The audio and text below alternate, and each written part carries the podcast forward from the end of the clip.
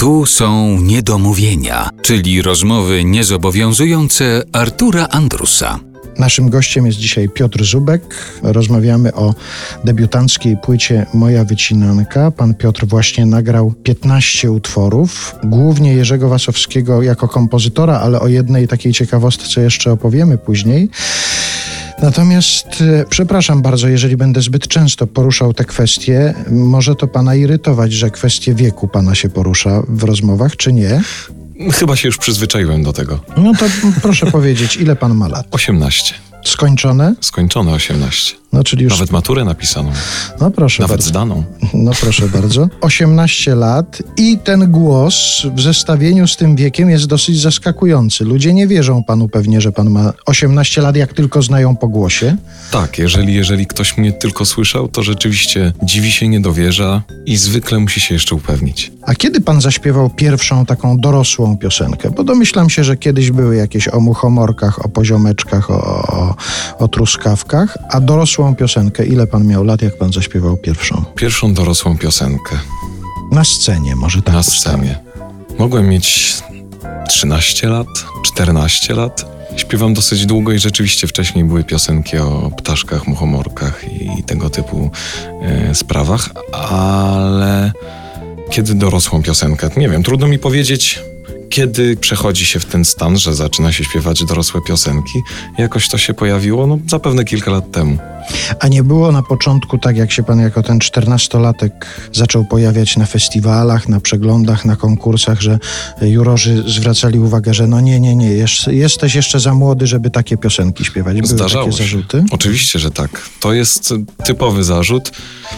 W sumie nie dziwię się, bo rzeczywiście czasem te piosenki odbiegają od dojrzałości dziecka. Trudno czasem uwierzyć i przekonać się, że, że młody człowiek może wykonywać dorosły repertuar. No, a i co pan w takich sytuacjach odpowiadał jurorom? Ja wiem, o czym śpiewam? Tak, wiem o czym śpiewam. Zawsze, zanim zabiorę się za utwór, muszę wiedzieć o czym śpiewam.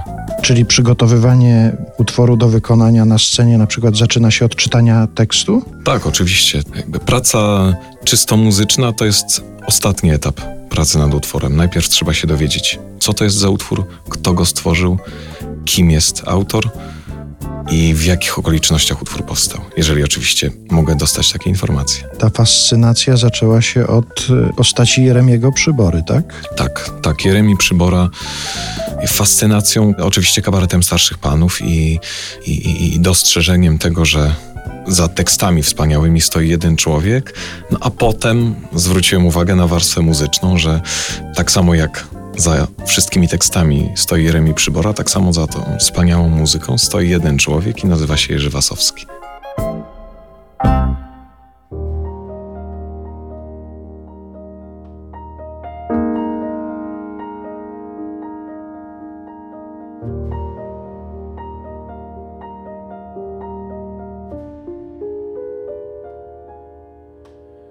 Dziewczyna pachnąca szczęściem przedziwnym urzeczeniem urzeka równocześnie wzrok, słuch i powonienie i nie wiesz, czy to pachnie, czy mieni się, czy gra.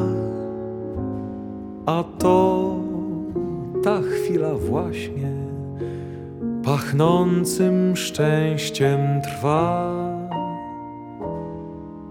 Już będziesz tęsknił za nią bez przerwy, nawet we śnie, i dasz się wodzić za nos dziewczynie pachnącej szczęściem.